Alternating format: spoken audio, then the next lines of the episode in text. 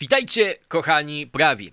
Joe Biden i jego administracja pokazali już, że nie są w stanie zapewnić bezpieczeństwa obywatelom USA i sojusznikom. Teraz przekonują nas, że o to bezpieczeństwo zadbają talibowie. Wrogowie, z którymi USA walczyły od 20 lat. O tym wszystkim dzisiaj, a to są kroniki szalonej Ameryki. Okej, okay, witajcie po raz kolejny na kanale. Taki trochę prowokacyjny tytuł tego filmiku, Cała nadzieja w Talibanie, ale rzeczywiście po tym ataku terrorystycznym na lotnisku w Kabulu, a szczególnie po tej konferencji Joe Bidena, po tym ataku terrorystycznym, rzeczywiście wydaje mi się, że znajdujemy się w momencie, gdzie rzeczywiście Amerykanie, ale i chyba cały świat musi szukać nadziei gdziekolwiek może ją znaleźć, bo w Joe Bidenie ja już tej nadziei, przyznam szczerze, nie widzę. Ta konferencja była po prostu czymś horrendalnym, czymś fatalnym. Joe Biden wyglądał jakby lekko przysypiał w sytuacji, do której jakby każdy polityk, który kiedykolwiek myśli o tym, że będzie prezydentem USA, się przygotowuje całe życie, że będzie musiał stanąć przed narodem, pokazać się jako, jako lider, który powie: Nie bójcie się, jesteśmy ciągle wielką potęgą, nasi wrogowie, prawda, nam nie zagrożą i tak dalej. A Joe Biden jakby wyglądał: Ej, słuchajcie, no wiecie, no, to, było fatalne. Fatalne były słowa, które wypowiadał, ale fatalny był też sposób, który wypowiadał. Ja przyznam szczerze, w przeszłości broniłem Joe Bidena w takim sensie, mówię, uważałem, że te zbitki, jego wpadek, że słowo gubi czy coś takiego, nie pokazują prawdziwego wymiaru tych jego wystąpień publicznych, rzadkich, ale jednak. E, natomiast dzisiaj już właściwie nie ma żadnej linii obrony. Wydaje mi się, że nawet jego najwięksi zwolennicy nie poczuli jakiegoś komfortu, czy nie poczuli się uspokojeni, jak to zobaczyli. Były tam tak kuriozalne rzeczy, jak Joe Biden chociażby mówił, że nasi wrogowie nie odwiodą nas od realizacji naszej misji, tylko że na, wasza misja to jest ewakuacja i to paniczna ewakuacja, bo to, że tak jak już mówiłem wielokrotnie, USA wychodzą ok, ale sposób w jaki wychodzą, to jak Joe Biden tym zarządza, jak jego podwładni tym zarządzają, to jest po prostu katastrofa, więc on mówi, że nasi wrogowie nas nie odwiodzą od, e, od naszej misji, która w praktyce w tej chwili przerodziła się w paniczną ucieczkę właśnie przed tymi e, wrogami, czyli to jest trochę taka sytuacja, jakbyśmy uciekali przed złoczyńcą i odwracali się do niego i krzyczeli nie boję się ciebie, dalej będę realizować swój cel, którym jest ucieczka e, przed tobą. Natomiast teraz znajdujemy się w sytuacji, w której USA czy administracja Bidena jest skazana na współpracę z talibami. To znaczy, wszystko, co się wydarzy dalej, w bardzo dużej mierze zależy od dobrej woli e, talibów. A Biden próbuje to sprzedawać oczywiście jako jakiś taktyczny sojusz, jakąś sprytną e, zagrywkę. Że to ma miejsce, to chyba nikt nie powinien mieć wątpliwości, ale dla tych, którzy mają, teraz krótki przegląd tego, e, jakie były wypowiedzi administracji Bidena e, w tej sprawie. 25 sierpnia sekretarz stanu Antony Blinken mówi tak, Stany Zjednoczone, nasi sojusznicy i więcej niż połowa krajów świata, w sumie 114, wydaliśmy oświadczenie, w którym jasno daliśmy znać talibom, że ponoszą odpowiedzialność i zobowiązanie, by umożliwić bezpieczne przejście dla kogokolwiek, kto chce opuścić kraj. Nie tylko podczas naszej ewakuacji i misji relokacyjnej, ale każdego e, dnia po niej. I tu oczywiście jest oczywiste pytanie, a jak już ewakuują się Amerykanie, w tej chwili Stany Zjednoczone nie są w stanie praktycznie niczym zagrozić talibom, oprócz tam jakichś, e, że tak powiem, uderzeń z powietrza, które mm, jakby skuteczność też jest wątpliwa w tej sytuacji. Natomiast jakby e, czym mają zagrozić po tym, jak już się wycofają? To jest bardzo dobre pytanie. Jak wiecie, tak, że szef CIA mm, William Burns spotkał się z jednym z przywódców Talibanu, Abdulem Ghanim Baradarem w Kabulu. Według Washington Post, który jest w tej sprawie najprawdopodobniej dobrze poinformowany, Burns miał dostarczyć osobistą wiadomość od Bidena, który ewidentnie postanowił, że jego najlepszą ścieżką działania póki co jest współpraca z byłym rywalem. Kluczowe pytanie tu jest, dlaczego mamy to słowo byłym rywalem. Czy to talibowie zdecydowali, że są już byłym rywalem USA, czy to amerykańska administracja tak zdecydowała, że w ten sposób będzie postrzegała rzeczywistość. Jeszcze gorzej oczywiście było po tym, jak doszło do tego fatalnego ataku, w którym zginęło 13 amerykańskich żołnierzy. To są największe straty poniesione przez USA jednego dnia od 10 lat podczas interwencji w Afganistanie. To jest naprawdę olbrzymia tragedia, szczególnie w tym kontekście, że Biden mówił: Odpowiedzialność kończy się na mnie. Nie pozwolę, by amerykańscy chłopcy umierali w wojnie domowej, którą prowadzą Afgańczycy. To nie był atak w ramach wojny domowej, to był atak na żołnierzy żołnierzy Stanów Zjednoczonych i oczywiście też zginęło w nim prawie 100 Afgańczyków. Natomiast to nie była wojna domowa. Tego ataku oczywiście do, do, dokonała ta mm, jakby filia państwa islamskiego w Korosanie, czy jakoś tak to się nazywa, ale dlatego mówimy ISIS-K czy ISIS-K.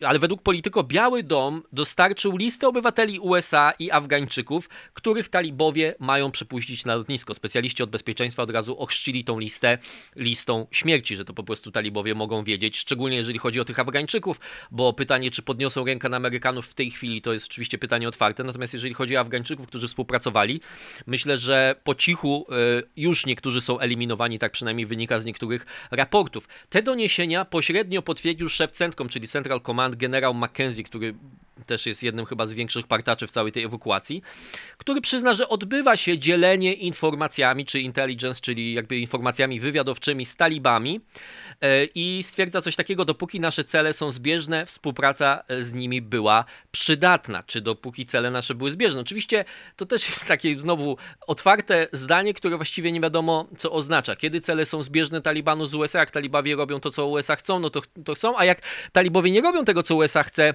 no to i tak USA nie mają na to wpływu, więc wtedy ta współpraca jest mniej przydatna. Blinken jeszcze powiedział, i to jest chyba kluczowe w całym tym podejściu administracji Bidena, będziemy oceniali współpracę z rządem Talibanu pod kątem interesu bezpieczeństwa narodowego Stanów Zjednoczonych oczywiście. I to jest e, kluczowa, e, kluczowa kwestia, i kluczowy jakby sposób myślenia tej administracji. Jeśli współpraca z rządem będzie dobra dla naszych długofalowych interesów dotyczących przeciwdziałania terroryzmowi, interesu, który mamy e, chcąc pomagać Afgańczykom potrzebującym pomocy humanitarnej i interesu, który mamy, by prawa Afgańczyków, szczególnie kobiet i dziewczynek, były chronione. Wtedy to zrobimy, czy wtedy będziemy kontynuować tą współpracę. Tylko znowu tutaj należy podkreślić jedną rzecz. To nie jest żadna kalkulacja. Oni używają języka interesu po to, żeby zamydlić nam wszystkim oczy i stwierdzić, że tak, my to kalkulujemy, ważymy pro i konce, czy zalety i wady każdego rozwiązania, bo oni są skazani na, na tą współpracę. Taliban tak naprawdę w tej sytuacji trzyma wszystkie karty w swoich rękach. Warto się sobie zadać pytanie, czy jeżeli Taliban zrobiłby coś agresywnego, e, zradykalizowałby swoje działania, na przykład wziąłby amerykańskich zakładników, albo, co jest bardziej prawdopodobne, taki scenariusz, że to Al-Kaida albo ISIS bierze amerykańskich zakładników, a Taliban wykorzystuje tą sytuację sytuacji i mówi, my będziemy mediować z tymi e, porywaczami i pomożemy Stanom Zjednoczonym w tej sprawie. To pytanie jest takie, czy administracja Bidena wtedy zaostrzy swój kurs wobec Talibanu, czy nie? Czy stwierdzi, że jeszcze potrzeba więcej koncesji? Oczywiście, że stwierdzi, że potrzeba więcej koncesji, bo to jest jedyna droga, która im w tej chwili pozostała. Tak jak powiedziałem, oni są uzależnieni od Talibanu, nie mają możliwości zapewnienia bezpieczeństwa poza lotniskiem w Kabulu i mówienie, że to talibowie zapewniają to bezpieczeństwo, to jest jedyna rzecz sensowna w miarę, chociaż ona jest absurdalna, którą oni mogą w tej sytuacji powiedzieć.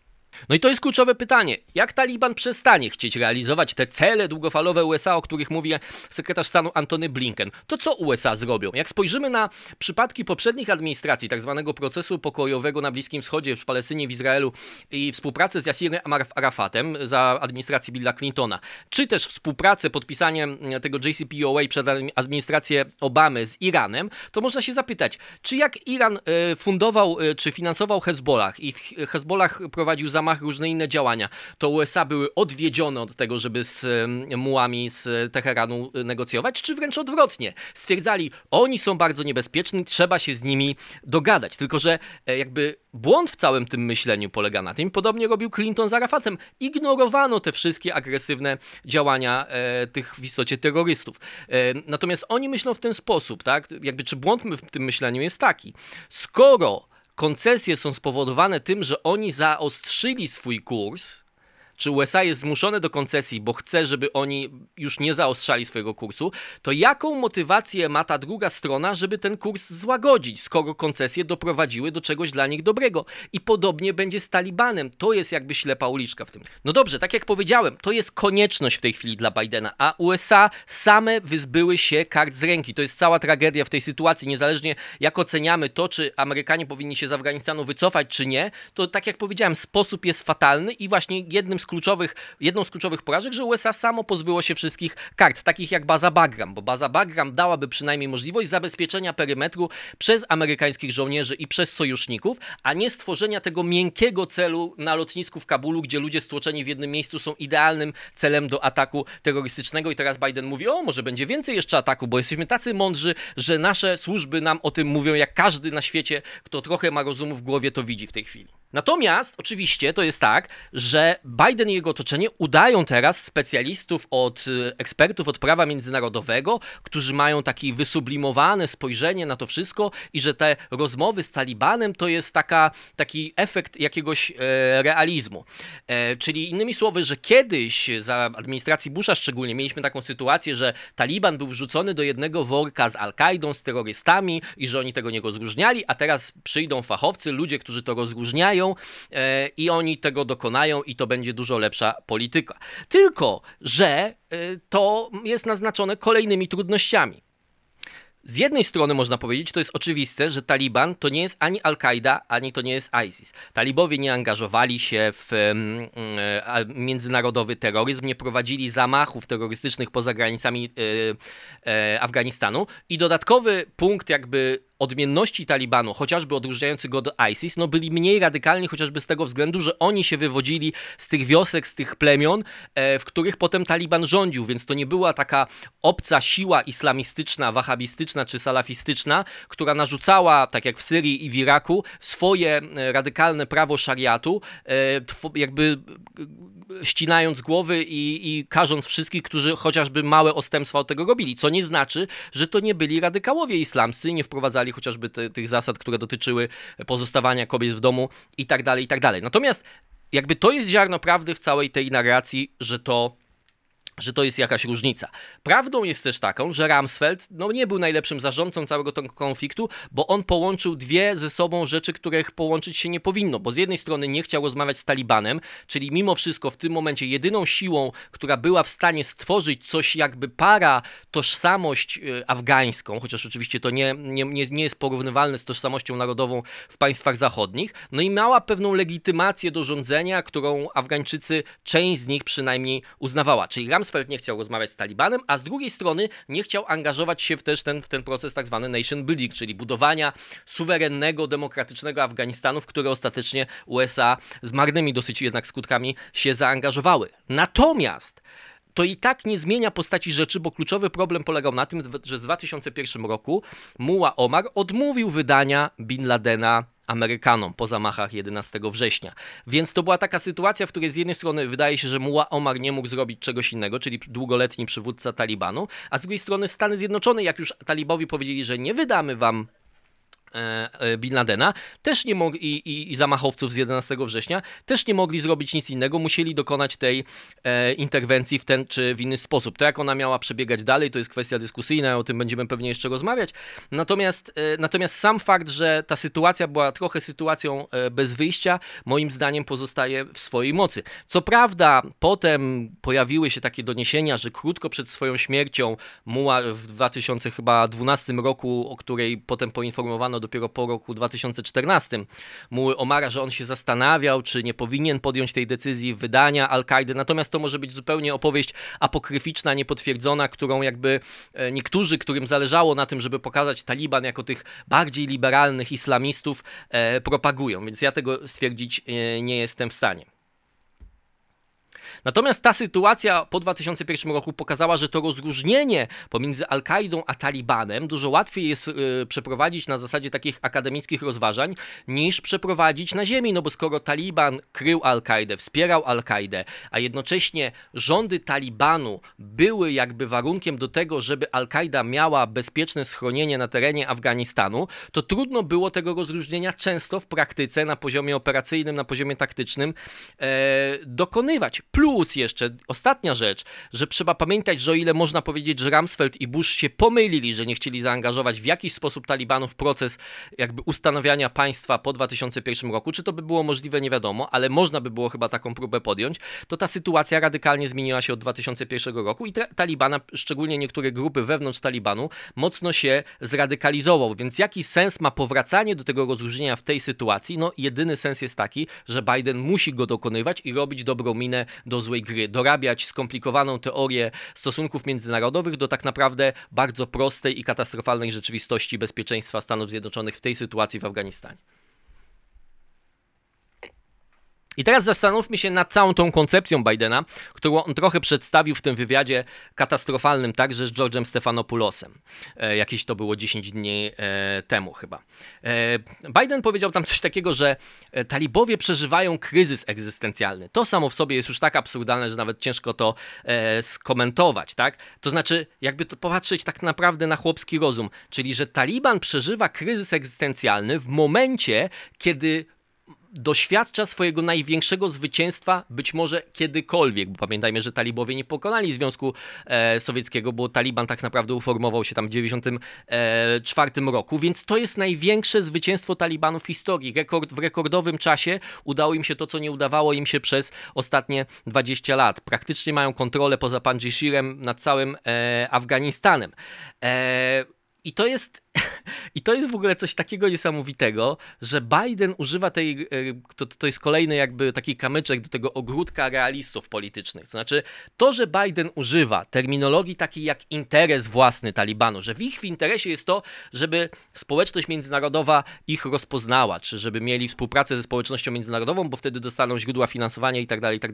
Podobnie Biden mówił z Putinem. Ja nie ufam, że on się zmieni, dlatego że on uzna, że chce być dobry. On musi po prostu rozpoznać swój dobry interes. I to ma być niby taki realizm. Natomiast to jest fikcyjny realizm, to jest złuda, to jest mydlenie oczu. Czyli, bo Biden w istocie chce nam powiedzieć, że talibowie od 30 lat nie wiedzą, na czym polega ich interes, że Putin, który rządzi prawie jeszcze dłużej, też nie wie, na czym polega jego interes. No nie, nie rządzi dłużej niż 30 lat Putin, to, e, to trzeba tu skorygować. Natomiast Putin nie wie, na czym polega jego interes i dopóki Biden się nie pojawił, nie spojrzał mu w oczy, w jego duże i mu nie powiedział, na czym polega jego interes, to Putin tego nie rozumiał. Oni doskonale to rozumieją i jeszcze raz, jeżeli mówimy o Talibanie, tak, im zależy na rozpoznaniu społeczności międzynarodowej. Jest ta kwestia tych finansów, tak naprawdę rządu w Kabulu, które teraz oczywiście przejęliby talibowie, które są w tej chwili zamrożone podobno, chociaż niektórzy specjaliści od bezpieczeństwa mówią, że już mógł nastąpić jakiś cichy transfer tych środków, a ja bym obstawiał, że nawet jeśli nie nastąpił, to przy następnym kryzysie to będzie ostatnia rzecz, którą, której administracja, o, ostatnia karta, którą ma na stole administracja Bidena i bardzo szybko się jej pozbędzie. Natomiast jak mówimy o uznaniu społeczności międzynarodowej, to oczywiście talibom e, do pewnego stopnia zależy na tym, ale im zależy dużo bardziej na uznaniu innej społeczności międzynarodowej, społeczności międzynarodowej islamu. Tak? To jest dla nich kluczowe. W tych, nawet obojętnie, czy są radykałowie, czy mniejsi radykałowie, czy więksi. Najgorsze, co może się zdarzyć takiej organizacji militarno-religijnej, to jest stwierdzenie, że oni są w jakiś sposób y, marionetkami niewiernych, że sami są niewiernymi, że y, mają złą wersję islamu. Dlatego najgorsze zagrożenie dla Talibanu rzeczywiście było w 2014 roku, kiedy al-Baghdadi powiedział, że nie może być dwóch e, kalifów, domyślę muły Omara, który al-Baghdadi myślał, że on jeszcze wtedy żyje, i al-Baghdadiego, czyli szefa e, ISIS, czy kalifa państwa e, islamskiego, obojętnie e, jak to nazwać. Oni się bardzo tego boją, że zostaną w ten sposób określeni i to jest kluczowy element siły i tożsamości Talibanu. Więc zakładanie, że teraz w związku z jakimiś wiecie, tajemniczymi dla nich trochę korzyściami w rodzaju paktów pomocowych, pakietów pomocowych społeczności międzynarodowej, misji ONZ i innych rzeczy, oni na przykład pozwolą Stanom Zjednoczonym na dokonanie uderzeń antyterrorystycznych na ich terytorium, które tak naprawdę postawiłyby ich w jednym rzędzie z rządami w Kabulu, czyli tymi, które, dzięki którym talibowie tak naprawdę uzyskiwali swoją legitymację, dzięki temu, że te rządy można było przedstawić jako marionetki Amerykanów. Oczywiście Karzai, który, czyli y, prezydent długoletni Afganistanu, tego amerykańskiego Afganistanu, tak powiedzmy, próbował talibów przedstawić jako marionetki Pakistanu, ale to była trochę inna sytuacja, bo Pakistan to jest mimo wszystko islamskie e, państwo i to dla Afgańczyków nie stanowiło takiego dużego problemu. Więc natomiast jakby podsumowując cały ten wątek, zakładanie, że w imię jakiegoś abstrakcyjnego uznania dla talibów abstrakcyjnego przez społeczność międzynarodową oni poświęcą istotę, rdzeń swojej tożsamości, to to jest głęboko naiwność, nawet jeżeli kryje się za takimi ładnymi hasłami, które przynależą do jakiejś kategorii realpolityk. No jest następny problem, jaka jest relacja obecnie pomiędzy Talibanem a tymi organizacjami terrorystycznymi, które są na liście te organizacji terrorystycznych Stanów Zjednoczonych i co, do których nie ma wątpliwości, że e, ataki, jeżeli tylko miałyby taką możliwość przeciwko Europie, przeciwko Amerykanom, przeciwko całemu Zachodowi, z chęcią przeprowadzą za każdym razem, kiedy będą mia miały do tego zdolności. Ta, e, Biden podczas tego swojego przemówienia powiedział, że ISIS-K czy, czy ISIS-K, ISIS-K e, są śmiertelne wrogiem Talibanu. I to jest w pewnym sensie prawda, natomiast to jest tylko część prawdy. Tak jak mówiłem, w 2014 roku al-Baghdadi powiedział, że nie może być dwóch kalifów, e, czyli on i Mu'a Omar i rzeczywiście wtedy dochodziło do konfliktu, e, nawet w pewnych momentach zbrojnego, do zabijania się nawzajem tych bojowników ISIS i, mm, i Talibanu. Natomiast trzeba pamiętać, że to był spór wewnątrz islamu o to, kto jest bardziej radykalny, kto jest bardziej, kto ma większą religijną legitymację do tego, żeby reprezentować islam. Więc to jest tylko część prawdy, bo to jest tak jakby powiedzieć, że Grzegorz Schetyna jest śmiertelnym wrogiem Donalda Tuska, albo żeby już nie porównywać tylko jednej strony politycznego sporu do Talibanu, jakby powiedzieć, że Morawiecki jest śmiertelnym wrogiem Ziobry.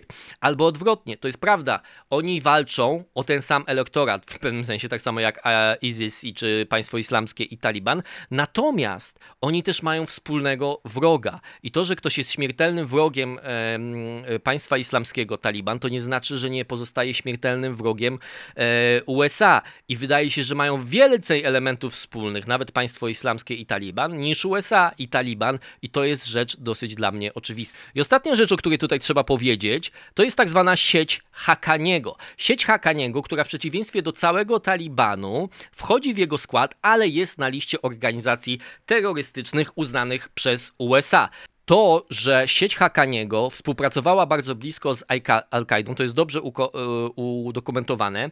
E, Sirajuddin Hakani, syn Jalaluddina, czyli założyciela grupy, e, współpracował blisko z jednym z najważniejszych poruczników Al-Kaidy i bojownikami Bin Ladena w Afganistanie i to wynika z dokumentów, które Amerykanie podczas tego rajdu czy najazdu, jak to się mówi, wejścia w każdym razie do tego kompleksu mieszkalnego Bin Ladena w Pakistanie, te dokumenty zostały odnalezione. Według urzędników rządu w Kabulu, czyli według Afgańczyków, od wielu lat takie doniesienia się pojawiały, że sieć Hakaniego udziela pomocy technicznej państwu islamskiego i pomagała im w atakach terrorystycznych, jakby choćby w ataku na oddział położniczy w Kabulu, do którego doszło w maju 2020 roku, w którym zginęły 24 osoby, głównie kobiety e, i małe e, dzieci. I to jest kluczowa rzecz teraz to sieć Hakaniego w dużej mierze w tej chwili jest odpowiedzialna za bezpieczeństwo w Kabulu. Są raporty, są zdjęcia, które publikowali sami e, talibowie, że żołnierze grupy Badri 313, to jest taki elitarny oddział właśnie sieci Hakaniego, pilnują bezpieczeństwa bezpośrednio w okolicy na lotnisku. Na lotnisku są takie zdjęcia, w których znajdują się kilka metrów od amerykańskich żołnierzy. Według generała armii afgańskiej, Yasina Zia, pewnie już byłego, bo armia afgańska już nie istnieje w dużej mierze, to właśnie sieć Hakaniego jest najlepiej przygotowana do tego, e, dzięki głównie szkoleniom, których e, szkolił ich wywiad e, pakistański, mm, do tego, żeby przejąć kluczowe role w tym nowym rządzie afgańskim, czyli rządzie, rządzie pod kontrolą talibanów. Na przykład, że oni się będą zajmować wywiadem i kontrwywiadem, bo są najlepiej do tego przygotowani. Tak samo jak dlatego do tych elitarnych oddziałów Badri 313 trafiło to amerykańskie uzbrojenie, bo oni dzisiaj często występują w amerykańskich hełmach z amerykańskimi noktowizjami wizjerami, czy jakkolwiek to się nazywa na tych hełmach i tak dalej, i tak dalej. Więc jeżeli to oni, terroryści uznani przez Stany Zjednoczone, będą się zajmować kontrwywiadem i wywiadem, a z Talibanem dzieli się wywiadowczymi informacjami administracja Bidena w tej chwili i będzie się dzieliła, dopóki ich cele będą zbieżne, no to mamy, można powiedzieć, doskonałą e, sytuację. No i oczywiście pojawia się do, do, do e, o, kolejne pytanie, chociaż nie ma na to dowodów, tak jak powiedziałem, ta współpraca e, państwa islamskiego z siecią Hakaniego jest trochę mniej udokumentowana, bo co do współpracy z Al-Kaidą nie ma wątpliwości, to wręcz jest jakby no, taki sojusznik Al-Kaidy, a wręcz e, sieć, która po, po, powstała jako filia pewna Al-Kaidy, to z, współpraca z państwem terroryzmem islamskim jest poddawana przez niektórych wątpliwość, ale są pewne przesłanki, by sądzić, że ona miała miejsce. Więc teraz pytanie jest takie, jak ci zamachowcy dostali się, skoro Afgańczycy w większości nie są przepuszczani na to lotnisko, to jak ci zamachowcy przeszli przez te e, checkpointy? Jak udało im się dokonać tego zamachu? Czy stała za tym sieć Hakaniego i, i jak ma wyglądać ta współpraca wywiadowcza i tak dalej, i tak dalej. Dobrze, moi drodzy, to jest tyle informacji, które przygotowałem dla Was na dzisiaj. Mam nadzieję, że Wam się podobało. Jak wiecie, czasem będę wrzucał teraz takie shorts na swój kanał. Nie przejmujcie się tym, jeżeli oglądacie całe filmiki, to będą zwykle fragmenty tych filmów, które już mam. A jak Wam się to podoba, to lajkujcie, tam komentujcie i róbcie wszystko, co należy. Dobrze, do zobaczenia.